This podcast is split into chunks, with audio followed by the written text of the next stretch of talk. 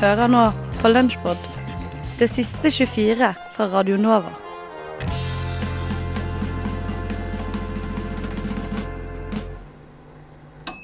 Vi pleier jo å diskutere løst og fast eh, ting som har skjedd i eh, verden rundt oss eh, her i rushtid. De siste dagene.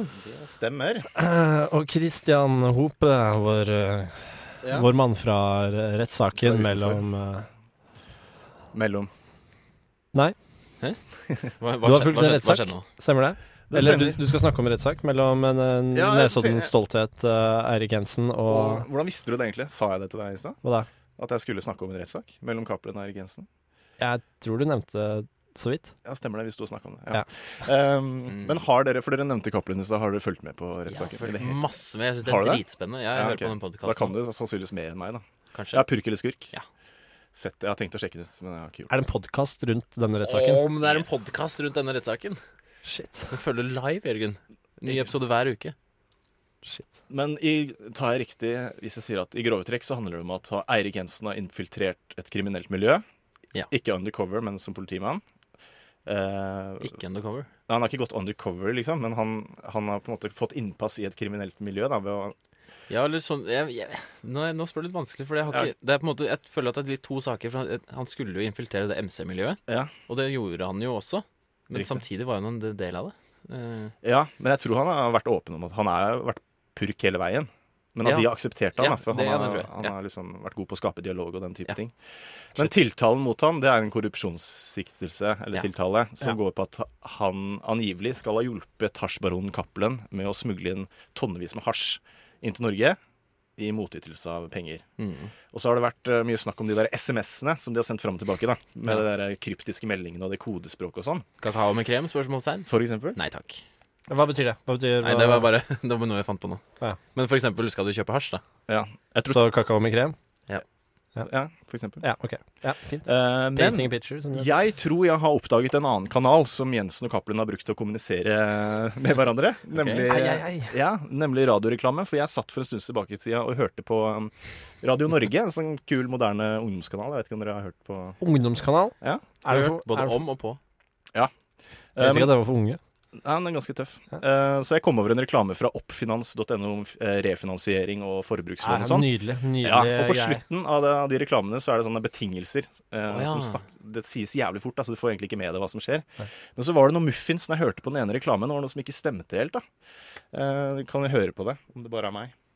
Med forbrukslån fra Oppfinans blir du fort kvitt smålån og kredittgjeld. Se oppfinans.no. Kroner 65 000 over fem år. Nominell rente 14,3% Effektiv rente 16,9% Etableringsgebyr 640. Hei, Jensen, det er Cappelen her. Pengene ligger klare i en konvolutt. Vi møtes på Grønland klokken 17. Totalt 94 353. Oppfinans.no. Det er det galt! Ja, det, var noe rart. Ja, det var det. Men Det er veldig vanskelig å få med seg hvis ikke du på en måte ordentlig lytter. Uh... ja, vi kan dra, dra opp volumet litt på den. da. Men jeg, jeg blei litt usikker første gang jeg hørte den, men så hørte jeg en ny reklame uh, litt senere fra komplettbank.no. Da fikk jeg på en måte bekreftet det mistanken min. da. Noen omstendigheter krever litt ekstra midler. Og du bestemmer selv hvor mye du betaler ned hver måned. Søk og få svar nå på komplettbank.no. Kroner 85 000 over fem år. Nominell rente 15,2% Effektiv rente 17,3% Etableringsgebyr 590. Hei, Cappelen. Pengene er mottatt og trygt plassert i garasjeveggen hjemme. Totalt 78 452. Komplettbank.no. Nei, det er ikke bare meg. Det er Veldig bra. sjukt. Utrolig at du oppdaget dette. Utrolig suspekt også. At, eh, Men veldig eh, bra det gra- sjukeste er- gravejournalistikk, ass. Det Ja, det er på sitt absolutt beste. Men det sjukeste er at eh, jeg har oppdaget at det er også andre sånne høyprofilerte folk, da, gjerne i tipsknipet, som benytter seg av denne måten å sende raske beskjeder på. Eh, og den siste Lendo-reklamen her syns jeg er ganske spesiell. Enkelt forbrukslån kan du oppnå lågere rente og spare mye penger. La oss hjelpe deg med det. Ta kontakt med våre dyktige saksbehandlere på telefon eller på lendo.no. Sammen senker vi lånekostnadene dine. Kroner 95 000 over seks år. Nominell rente 17,2% Effektiv rente 19,3% Etableringsgebyr 730. Hei, Sindre. Det er Erna Solberg her. Kan du hente ungen i barnehagen i dag? Totalt 78 452. Lendo.no. Dette er Kjetil Rekdal. Jeg har stått bak Norges største idrettsprestasjon gjennom tidene, og er fast lytter av Stafett er stafett på Radio Nova. Nå er det tid for alles favorittspalte. Her er Endre Ugelstad Aas med Obskure hendelser med Endre. Kort corner og lange innkast. Stafett er stafett presenterer obskure hendelser med Endre. Vi begynner nordpå denne uka, hvor bladet Vesterålen kan melde at det blir kretsrenn for barn og unge til helga på Stokmarknes. Da håper naturligvis Bård Sørensen at snødekket holder. Stokmarknes IL Ski inviterer til kretsrenn i sprint og duatlon på Stokmarknes 21. og 22. januar. Lørdag er det sprintrenn, og søndag er det fellesstart med skibytte. Arrangementene går som sonerenn for klassene 0 til 12 år, og som kretsrenn for klassene fra 12 år og opp. Rennet går fra Stokmarknes stadion ved Hadsedalen, og om været og snøen holder, blir det løyper på 1 km, 2 km, 3 km og 5 km. Lørdag er det sprint fristil, og dagen etter er det duatlon fellesstart klassisk. Det er meldt mildvær og regn fram til torsdag, da nedbøren kan gå over til snø igjen. Og mer snø på fredag og lørdag. Det er tynt underlag foreløpig, men skirennet prøver vi å få til uansett. Et alternativ kan være å flytte det til Lekangdalen eller Vaksdalsvatnet i Melbumarka. Der er det fint. Så har vi jo mulige reservearenaer om enn opplegget blir litt forenklet, sier Bård Sørensen i Stokmarknes IL. Vi beveger oss over til Fosnabladet og spenner på oss skøytene, for i Fosneshallen til helga er det nemlig mulig å stå gratis på skøyter. Tiltaket Aktiv søndag i Fosneshallen i Bjugn følges nemlig opp i år også, og det er Bjugn Sparebank som sponser tiltaket. Dette betyr gratis tilgang til aktiviteter som har med skøyter å gjøre, i tillegg til curling og fotball. Den som ikke har skøyter selv, får også låne dette gratis. Fosna-folket tok turen innom søndag ettermiddag og kunne bivåne små og store utfolde seg både på isen og kunstgressbanen. Det kan ellers legges til at Fosneshallen i år feirer tiårsjubileum. Hallen ble åpnet 14.9.2007 som Norges andre innendørsbane på hurtigløp for skøyter. Nummer én var Vikingskipet på Hamar. Til slutt en oppdatering fra kampen om toppskårertittelen i den maltesiske U16-ligaen for kvinner. Etter åtte spilte kamper leder Maria Farugia med 58 mål, etterfulgt av Kayleigh Willis med 28 mål og Demi Magreen på tredje med 19 mål. Vi kan også ta med at Veronique Mifsud er å finne på plassen etter med 14 mål. Et ikke ukjent etternavn for alle som har fulgt sånn noenlunde med på norsk fotball de siste 15 åra. En P-stasjon har en innvirkning på den enkelte nordmanns selvfølelse og identitet. De sliter, og de har ikke råd til å betale eh, markedspriser for, for gassen. Akkurat nå hører du på Radio Novas samfunns- og aktualitetsmagasin, Opplysningen 99,3.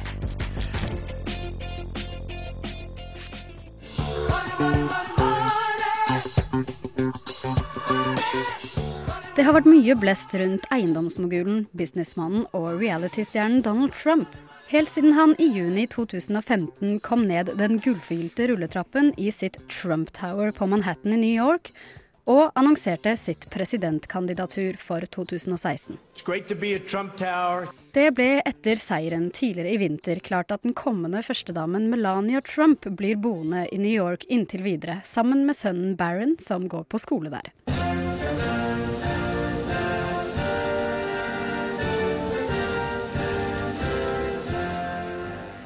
Under innsettelsen av president Trump i dag kunne den utradisjonelle presidenten annonsere at også han blir boende i Trump Towers toppetasje gjennom hele den kommende presidentperioden.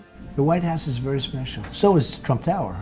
It represents something that can be so good. And you will see what I'm talking about. The building behind me on West 57th Street in Manhattan is a striking residential tower. Hele administrasjonen fra Det hvite hus blir dermed også flyttet opp fra Washington DC, og byggefirmaet Lux Design and Build har fått det noe utradisjonelle oppdraget om å farge den spektakulære skyskraperen på over 200 meter og 58 etasjer hvit. Such incredible people. There's such incredible potential.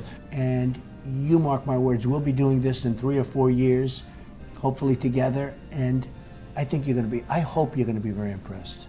Det noe mer beskjedne presidentbygget i Washington DC på sine knappe seks etasjer blir inntil videre stående tomt. Usikre kilder skal imidlertid ha uttalt at Melania Trump ønsker å gjøre huset til et senter for barn som er ofre for nettmobbing. Ekspert på amerikanske presidenter ved Norsk institutt for amerikansk politikk, Fredrik Høie Bilding, reagerer på dagens nyheter. Jeg er udelt positiv til dette. Jeg syns det er kjempefint at nå har vi fått en mann som river opp i de tradisjonelle verdiene i USA. Og det tror vi trenger egentlig i våre dager.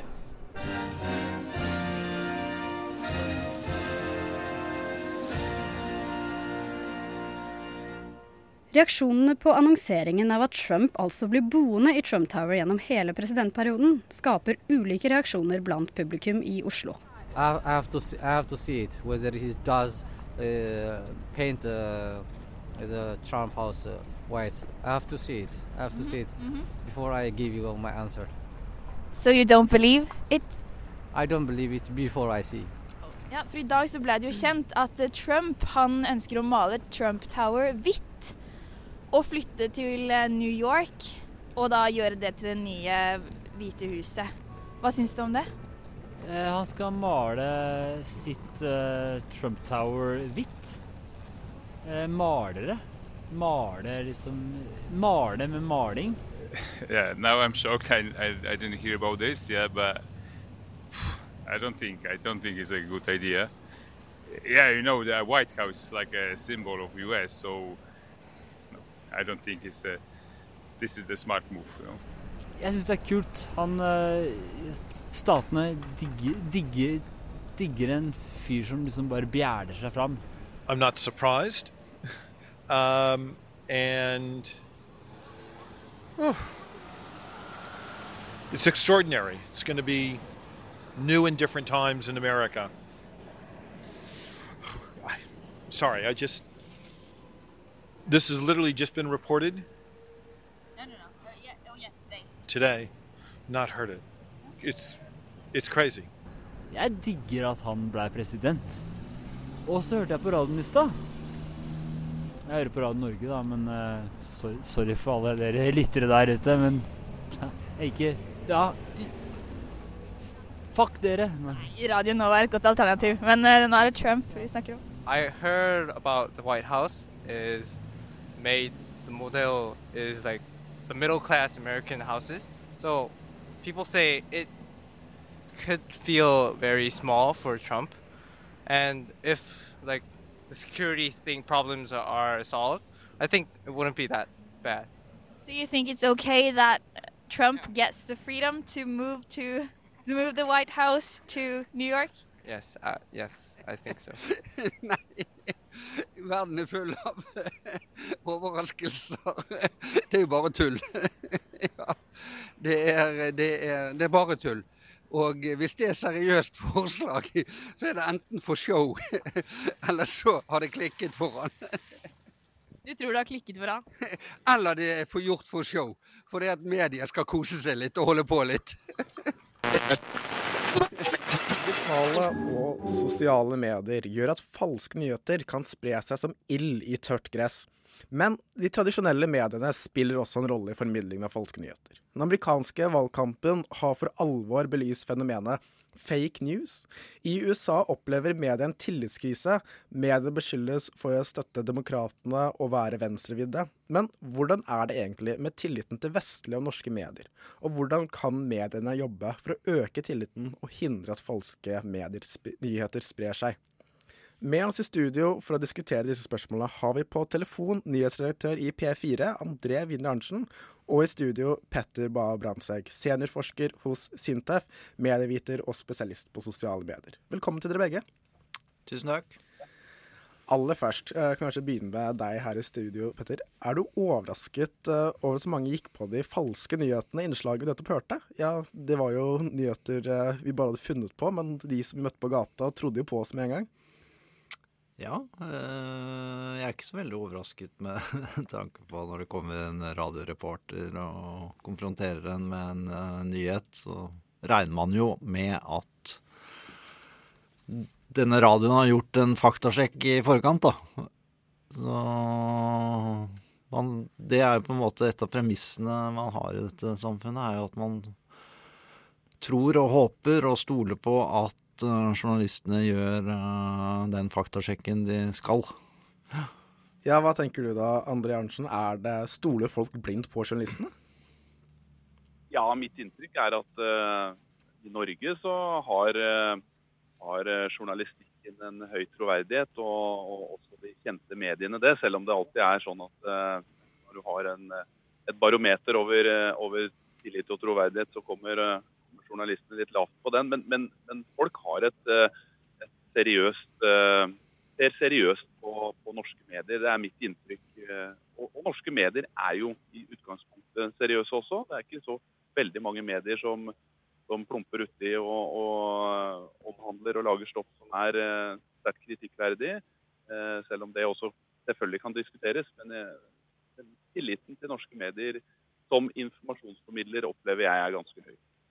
Ja, men Da vil jeg spørre deg et nytt spørsmål. For eh, dere får vel inn nyhetsmeldinger eh, hele tiden. Gjør dere noen vurderinger om det er sant eller ikke, eller slike ting, før dere sender dem på lufta? Ja, det gjør vi. Altså, vi produserer jo på radio ca. 50 000 nyhetsmeldinger gjennom et helt år. Vi har jo nyhetsbulletenger hver time og halvtime på morgen og ettermiddag. Så det, det produseres jo det mengder med eh, journalistikk. Så er det jo sånn at vi selvfølgelig ikke er i stand til å produsere alt det sjøl. Så vi er avhengig av å videreformidle og, og kreditere andre mediers eh, journalistikk. Eh, det gjør vi hver eneste dag. Og eh, vi gjør jo ikke en faktasjekk eh, og kontrollerer troverdigheten til enhver sak som VG skriver, NRK, TV 2 eller Associated Press eller hva det måtte være, fordi at det er seriøse medier. Det oppleves av bransjen og av andre som troverdige og seriøse aktører. Eh, Og det er ingen grunn for oss til å eh, nødvendigvis stille, sette spørsmålstegn ved eh, det arbeidet de har gjort. Og Det har også eh, eh, PFU og andre også vært enig i at den slags type eh, videreformidling er en aksept. Det er litt av dynamikken i, i vår eh, bransje, altså eh, nyheter på, på radio. Men så er det jo selvfølgelig sånn at vi kontrollsjekker og skal gjøre det i saker hvor det er veldig sterke påstander, hvor det er åpenbart at det er flere kilder som burde være med, eh, og sånne type eksempler. Og der, eh, der har ikke vi alltid vært eh, flinke nok, og, og, og sånn er det innimellom at vi, at vi plumper uti. Men hvis man ser på det, den store mengden vi produserer av nyhetsmeldinger, så er det jo eh, i sum veldig liten del som, som er eh, kontroversielt. Nettopp fordi at de mediene vi krediterer, det er seriøse medier. Ja, men jeg tenker, har du noe erfaring med fake news? Har det hendt at man eh, stoler for mye på en annen kilde? Ja, ja, ja. ja. Er, vi eh, har ingen problemer med å erkjenne at vi har eh, gått fem på. Altså, dette er jo et litt sånn todelt fenomen. Da, fordi at vi har jo siden tidenes morgen opplevd eh, at eh, utdrikningslag og en del andre forsøker å lure oss til å komme på demonstrasjoner utenfor Stortinget og sånne type ting, og står der med en eller annen talsmann for en eller annen problemstilling. Så har vi gått fem på. Det er, en, det er litt den, den, eh, den litt gamle, tradisjonelle måten å gjøre det på. Den, det nye fenomenet nå er jo eh, nyheter som bevisst er laget av tilsynelatende seriøse aktører, eh, og, som, og som, vi gått, eh, som vi har gått på. Eh, gjerne fordi at andre medier har videreformidla det. Eh, og vi har eksempler fra nå i, eh, før jul, eller nå på senhøsten, altså eh, med en dame som eh, angivelig skulle saksøke foreldrene sine for å ha lagt ut fordi at de hadde lagt ut babybilder av, eh, av henne på, på Facebook. En sak som gikk veldig rundt. Eh, som vi også eh, på nett, ikke på radio, men på nett videreformidla. Vi hadde en, en sak her rett før jul, faktisk, med, eh, hvor, hvor CNN og USA Today hadde laga en stor sak på eh, en, en liten gutt som døde på, på fanget til julenissen. Altså, det var vi og Nettavisen og Dagbladet som gikk på den. Eh, sånn at dette skjer, og det skjer spesielt i type saker som er litt sånn virale, som går veldig rundt. Eh, og hvor vi eh, hopper på, litt ukritisk, eh, fordi at vi stoler på at her er det seriøse kilder, sånn som CNN og USA Today. Ja, og det, bare for å legge til der, da, så er det en rapport skrevet av en som heter Craig Silverman. Som er en av de fremste innen faktasjekk og eh, falske nyheter. Han skrev jo en rapport i 2015 som eh, viser at eh, de som faktisk videreformidler falske nyheter, det er jo mediene selv, nettopp fordi de klipper og limer fra hverandre og stoler for mye på hverandre. Så der Der har man jo en utfordring, tenker jeg. Altså, hvor mye skal man eh, stole på de andre? Og når saken i hvert fall har et sånt sensasjonelt tilsnitt, så bør man kanskje ta primærkilder i bruk heller enn å lene seg på disse du anerkjenner som troverdige kilder, nemlig NRK, CNN etc.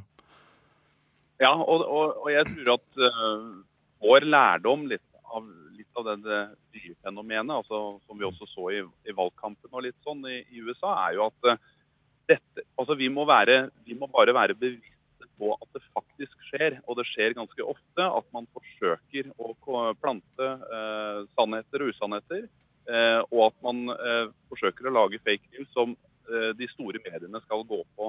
Det er noe som faktisk skjer, og som vi er nødt for å ha i større grad av bevissthet rundt. Eh, og Det føler jeg på mange måter at vi har, men, jeg er helt sikker på at, eh, at dette kommer vi til å stå overfor eh, flere ganger, og jeg er redd vi kommer til å bli lurt flere ganger. Fordi at eh, dynamikken litt sånn i mediene i dag, som handler veldig om eh, tempo og konkurranse, gjør at eh, man, man, man, liksom, man, man blir litt revet med av å se alle andre medier. Og så hiver man seg på, og så vil man kanskje være først. Og så, og så er det innimellom sånn at man eh, glemmer litt prinsippene vi skal jobbe etter, og man glemmer faktisk å, å holde hodet kaldt. Eh, selv om vi har snakket om eh, mang en internt i vår egen redaksjon, at det, altså, er det historier her som er nesten for gode til å være sanne, sanne, så må vi stoppe opp. Og vi er nødt til å tenke oss om, og vi bør gjøre den sjekken. Det tror jeg er riktig. Og øh, nå ser vi også at det dukker opp veldig mange faktasjekktjenester rundt omkring i verden, nettopp som en reaksjon på kanskje dette høye tempoet du snakker om i, øh, i mediebransjen, hvor man publiserer nyheter på løpende vann uten kanskje å gjøre en grundig nok faktasjekktjeneste. Men bare for å spørre deg, Brandtzæg. Altså, nå hørte vi eksempler på saker som ja, en gutt som eh, døde på fanget til julelisten og sånn. Det er jo det er veldig sensasjonelt, men det er ikke hva skal vi si, så veldig ekstremt viktige saker politisk og videre. Altså, er fake news egentlig et problem hvis det er sånne saker?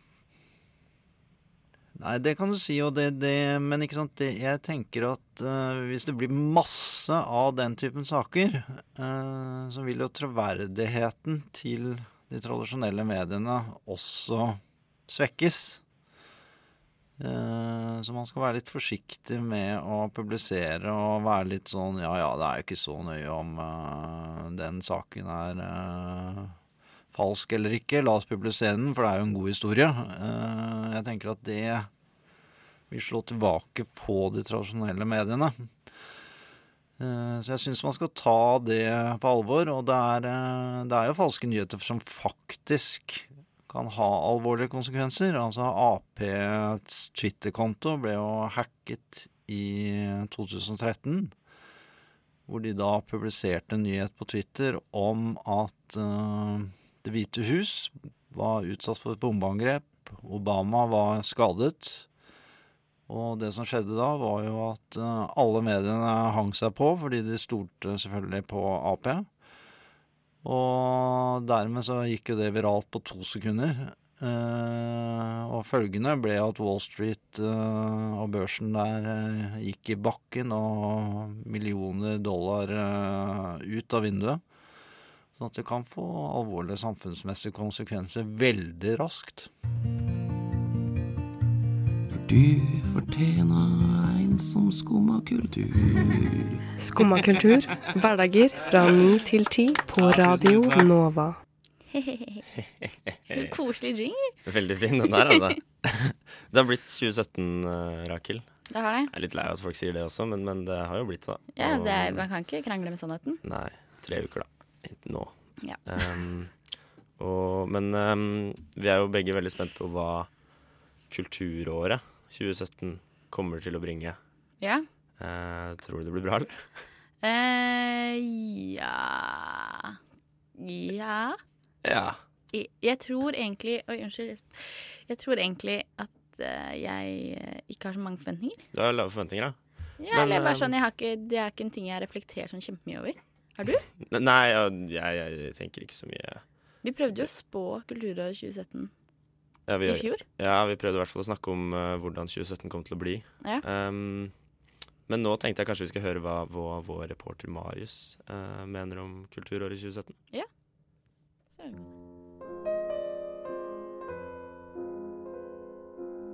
Skumma kultur i samarbeid med Linda Hofstad Helleland og Kragerø kulturskole presenterer Marius Morgans spådommer for kulturåret 2017. Teknofestivalen Please Watch My Drink While I Pee i regi av Toffen Gundersen ser dagens lys på Notodden. Men blir lagt ned samme dag grunnet flere epileptiske anfall. Linda Hofstad Helleland blir spottet på Treungenfestivalen med Sondre Justad på skuldrene. Improgruppen BMI får støtte av Den kulturelle skolesekken til en skoleturné med oppsetningen Vulva, en reise i tid og rom. Togstasjonen Ål blir gjort om til et hellbillies-museum. Under et krisemøte velger Kulturrådet spontant å ansette Ari Behn som styremedlem. Samme dag velger også Kulturrådet å gi støtte til bettingselskaper. Museet for Drivi og Drømmefanger åpner på Nesodden. Jarl Goli holder åpningstalen. Aune Sand gir ut en bok om sosiologisk teoretisk tenkning i stammesamfunn. Han blir nå endelig invitert på Askhaugs hagefest. Olav Thon auksjonerer vekk luen sin til inntekt for Christian Ringnes i nye skulpturpark. Nationaltheatret får avslag på å arrangere Ibsenfestivalen to ganger i året. Slåttfjell praktiserer leggetid og kjønnsdelte camper. Linda Hofstad Elleland blir igjen spottet med en kjendis på skuldrene. Denne gangen er det Marius Borg Høiby. Trond Giske uttaler dette her er flaut. Hei, baby, hei. Hei, beautiful girl. Frokost er best i øret.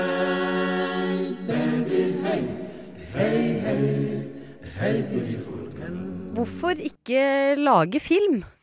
Hvorfor Det er jo et spørsmål jeg syns folk burde stille seg selv oftere. Eh, Jeg liker film og vil at det skal komme flere sånne litt originale og kreative filmer. Og eh, da har jeg bestemt å, gjøre, å heller eh, gjøre noe med det selv. For jeg har jo to fantastiske venner her i studio som er veldig kreative og flinke. Åh. Nemlig Inger og Maja. Og jeg vil at dere skal komme med et filmmanus til meg nå. OK. Eh, og jeg kommer til å legge noen føringer for hvordan dette, denne filmen skal bli. Mhm. Og så skal dere si annenhver setning. Annenhver setning? Ja, eller altså, Det må ikke være én setning, men dere skal bytte Vi skal på. bytte, bytte. Vi, vi skal spille sammen Men pass rolle. på at det blir litt likt, da. Så ikke, vi er ikke to stå forskjellige personer, eller er vi én? Nei, dere skal på en måte fortelle handlingen i filmen. Sånn type eh, Personen går bortover gaten. Så skjer Der treffer han Ja. eh, Vidkun Quisling. Vidkun Quisling trekker fram pistol, og så tar Ingrid over, og så Ja. videre. Og, så videre. Yes. Eh, og jeg har lagt følgende føringer for Mhm. eh, denne filmen. Hovedpersonen er eh, Marius Tjessem Høiby. Altså sønnen til Ah. Mette-Marit. Han som eh, skal være under pressen. Ja. Så nå driter vi jo litt i det og snakker Ja, men om han fremdeles. eh, det fortjener han. Ja. Eh, og det, filmen finner sted i Tryvann vinterpark. Altså på Tryvann, der man kan stå på slalåm. Kan jeg lage tittel? Det kommer til slutt. Ja vel. og dette skal være eh, Sjangeren skal være en slags eh, eh, crime-film, altså en mordgåte. Eh, Ok. Er kriteriene for filmen forstått? Mm. Da har vi et litt sånn teppe for å sette litt sånn stemning på hvordan jeg føler det skal være. Kan jeg starte? Du kan starte. Få på musikken. Lille Marius går sakte, men sikkert opp en veldig, veldig glatt bakke på Tryvann. Så ser han to slalåmski ligger i kors på bakken. Hva, tenker han, har de funnet meg her? Jeg som trodde jeg var så langt borte. Han merker plutselig et helikopter suse over hodet. Å nei, er de her nå igjen? Maskingevær begynner å skyte, og han skjønner graven ligger klar. Han løper fortere og fortere inn mot granholtet. Der møter han sin gode kamerat Henrik. Oi. Henrik sier noe som får lille Marius til å grøsse langt nedover ryggen. Han sier They're here. Hvem er? Det er det alle har lurt på nå. Og hvem de er, det er vakthundene. Vakthundene mer kjent som VG-journalister. Og der er de. Han som har prøvd å holde seg unna VG i så mange år. Han har til og med vurdert å lukke Instagram-profilen sin. Og de skjønner kulen han hørte, er nå eh, salver fra journalistene. Det er spørsmål om hvor han har kjøpt veskene sine. Nå kommer siste scene, Maja. Men de kommer nærmere og nærmere. Og det siste han hører før han kjenner et dypt skudd i ryggen, er Vi gir oss aldri. Og hva heter filmen? Lille Marius på skumle eventyr. Åh. Åh! Ja, da eh, Marius, eh, hvis du vil få enda mer pressedekning, så er det bare å stille opp i denne filmen. Altså, han vi, Det ordner seg, Men- det. Vi finner en replacer. Men blir han drept av pressen? Nei, det, det, var var nesten skad, mitt det er ikke skadeskudd, liksom. Han Altså, det er liksom- skadeskudd. Han blir drept på innsiden. Det er akkurat som justismord. Det er ikke ordentlig mord, men det er liksom Det ødelegger mye. Men det er ille nok, si. Ja. Ja. Det er akkurat Men sånn. altså, det blir jo en sak, da. Og Ja. det er jo sikkert flott for han. Ja, og jeg tror, han, jeg tror egentlig han elsker Han media. elsker Jeg tror det er Mette-Marit som har gått inn og sagt Du får ikke lov til å være kjendis. Nei, du skal være en vanlig fyr, akkurat som jeg var der Ja. for mange år siden. Så Og jeg du vil være kjendis bli aleine. Ja, ikke sant? Ja, det er akkurat sånn. Anders, du gjør seg nå, har sittet og skrevet og skrevet og skrevet. Uh, Jeg, har jo skrevet, jeg, jeg skrev veldig mye, og så strøk jeg alt fordi jeg fikk angst. Nei! Jo, så jeg begynte på Vi får se hvordan dette For nå skal du jo melde været som selveste Kongen Michael- av pop. Michael Jackson, som svenskene kaller han. Michael Jackson. Kari Jakkesson, som vi kaller ham på norsk. Eller han på norsk. Ja. Dårlig vits. Ikke vits. Var det vits? Det var feil informasjon. Det var ikke vits. Men eh, er det på august? Eh, bare prøver å vente litt sånn at august liksom blir- blir klar med å streame dette her live på Facebook. Ja, men jeg glemmer alltid hvordan man st- streamer live. Facebook, og så finn frokost, og så vil det straks poppe opp ei lita video av Anders. Det er, det er Kanskje du skal spørre Anders om hjelp? Anders pleier å være god på det. Publiser, kanskje. Direkte en video. Jepp, jeg har funnet det. Ok, Ok. Da er det bare å søke seg inn på frokost på eh, Facebook-sidene. Ruller det nå, August? Uh, hopp over introduksjonen. Jeg kommer ikke Skjønner ikke hvorfor radiofolk som Jeg kommer ikke til å bruke den, klart og tydelig Jo, du OK, uh, nå snakker Anders. Å, Anders har en mikrofon i hånda som han har fått som en rekvisitt Det kommer jeg ikke til å bruke, for jeg har mikrofonen rett foran meg. Men du kan jo holde på den mikrofonen. Ok, Nå er vi direkte inne der fra, eh, på Facebook OK, også. nå må vi bare kjøre på. Ja, nå må vi bare kjøre på. Ok, Da får vi været som du, er, er du klar, Anders? Nei! okay. Jeg kommer til å hate meg sjøl for dette i ettertid. Jeg kommer til å se på dette klippet etterpå og kommer til å hate meg sjøl. Okay, so jeg kommer til å hate dette her, dette segmentet her i sendingen. Ok, so here's the weather report uh, by Michael Jackson. Hello, this is Michael. This is the weather broadcast today. Vestlig bris. Not my love. Au! På kysten frisk bris. Minken det i kveld. For bris is not my love. Enkelte sludd og snøbyger. Lengst nord i Hedmark og Oppland. Ellers oppholdvær og perioder med sol. Cause this is perioder, perioder med sol. Og, og dette her var været. Takk for meg. Jeg går hjem og hater meg sjøl og kommer til å Nei, nei, dette var veldig bra. Det var veldig bra. Utrolig. Du har jo en kunstner inni deg. Anders, jeg tror du har funnet deg sjøl. Jeg skammer meg sjøl. Nei. Jeg tror du har funnet deg sjæl.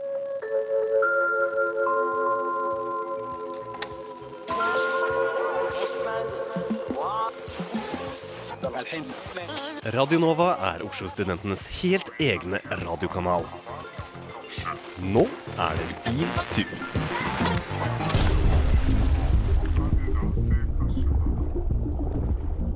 Lyst til å lage radio?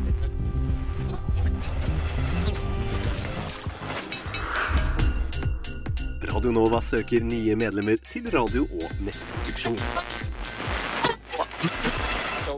For mer informasjon besøk radionova.no. Hæla i taket med Vitenselskapet.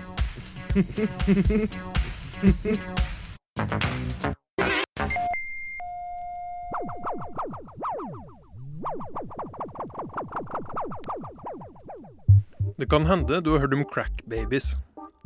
Misforma kranier, uvanlig forma ansikt, uførhet, manglende emosjonell og intellektuell utvikling.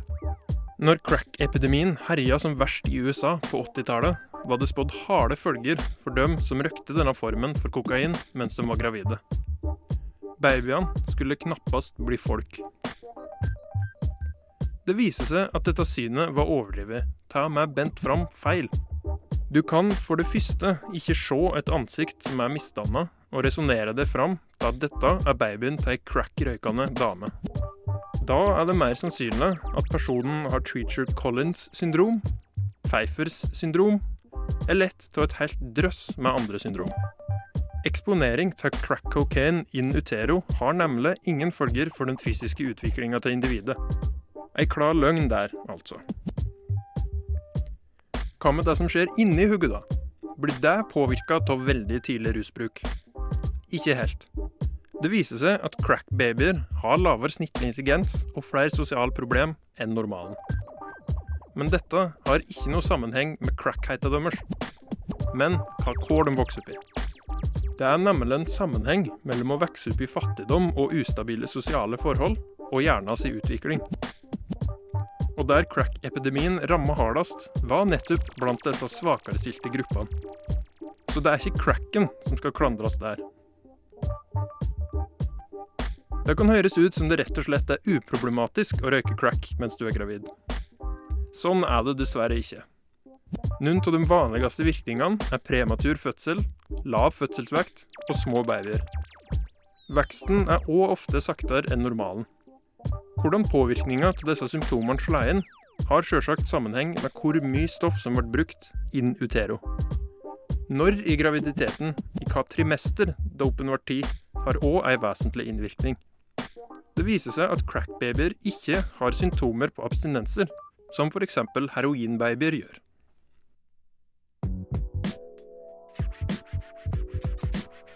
Crack er jo ganske mye verre enn noe lovlig rusmiddel, så det er vel ikke noen stygge følger fra f.eks. alkohol? Jo da, det er det, og ganske alvorlige problem følger. Det er en grunn til at Helsedirektoratet har holdningskampanjer mot alkoholbruk under svangerskapet. Og her vil mengda brukt, og tida det er brukt på, ha noe å si. Men som myndighetene vil jeg absolutt anbefale et nullinntak om du skal sette et nytt liv ut i verden. Føtalt alkoholsyndrom, som det heter, har faktisk betydning for hvordan en blir seende ut. Karakteristika er bl.a. lav noserygg og generelt stutt nose, utydelig herreskår, smale øyne og tynn overleppe. I tillegg vil en påvirka person bli født mindre og stuttere, og vokse saktere enn sine jevnaldrende. Et trent øye kan altså kjenne at noen som lir av FAS. Hjernen blir òg påvirka av FAS, og kan bli ganske hardt ramma. Hjernen kan få strukturelle skader, altså feil i utbygginga, ved f.eks. å være for lita. Videre er det som regel usynlige skader på nervesystemet, og det kan være både det sentrale, autonome eller det periferale systemet som skades. Problemene som følge av disse skadene varierer veldig. Blant annet er det lærevansker, manglende impulskontroll, dårlige sosiale ferdigheter og dårlig dømmekraft. Crack-baby-fenomenet er altså et hysteri uten særlig feste i virkeligheten. Derimot er de vanlige rusmidlene farlige, særlig alkohol. Det gjelder å helle seg på den rene sti når en venter unge. Glad jeg slapp den prøvelsen, gitt.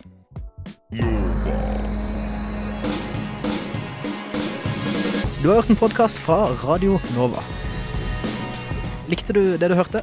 Du finner flere podkaster i iTunes og på våre hjemmesider radionova.no.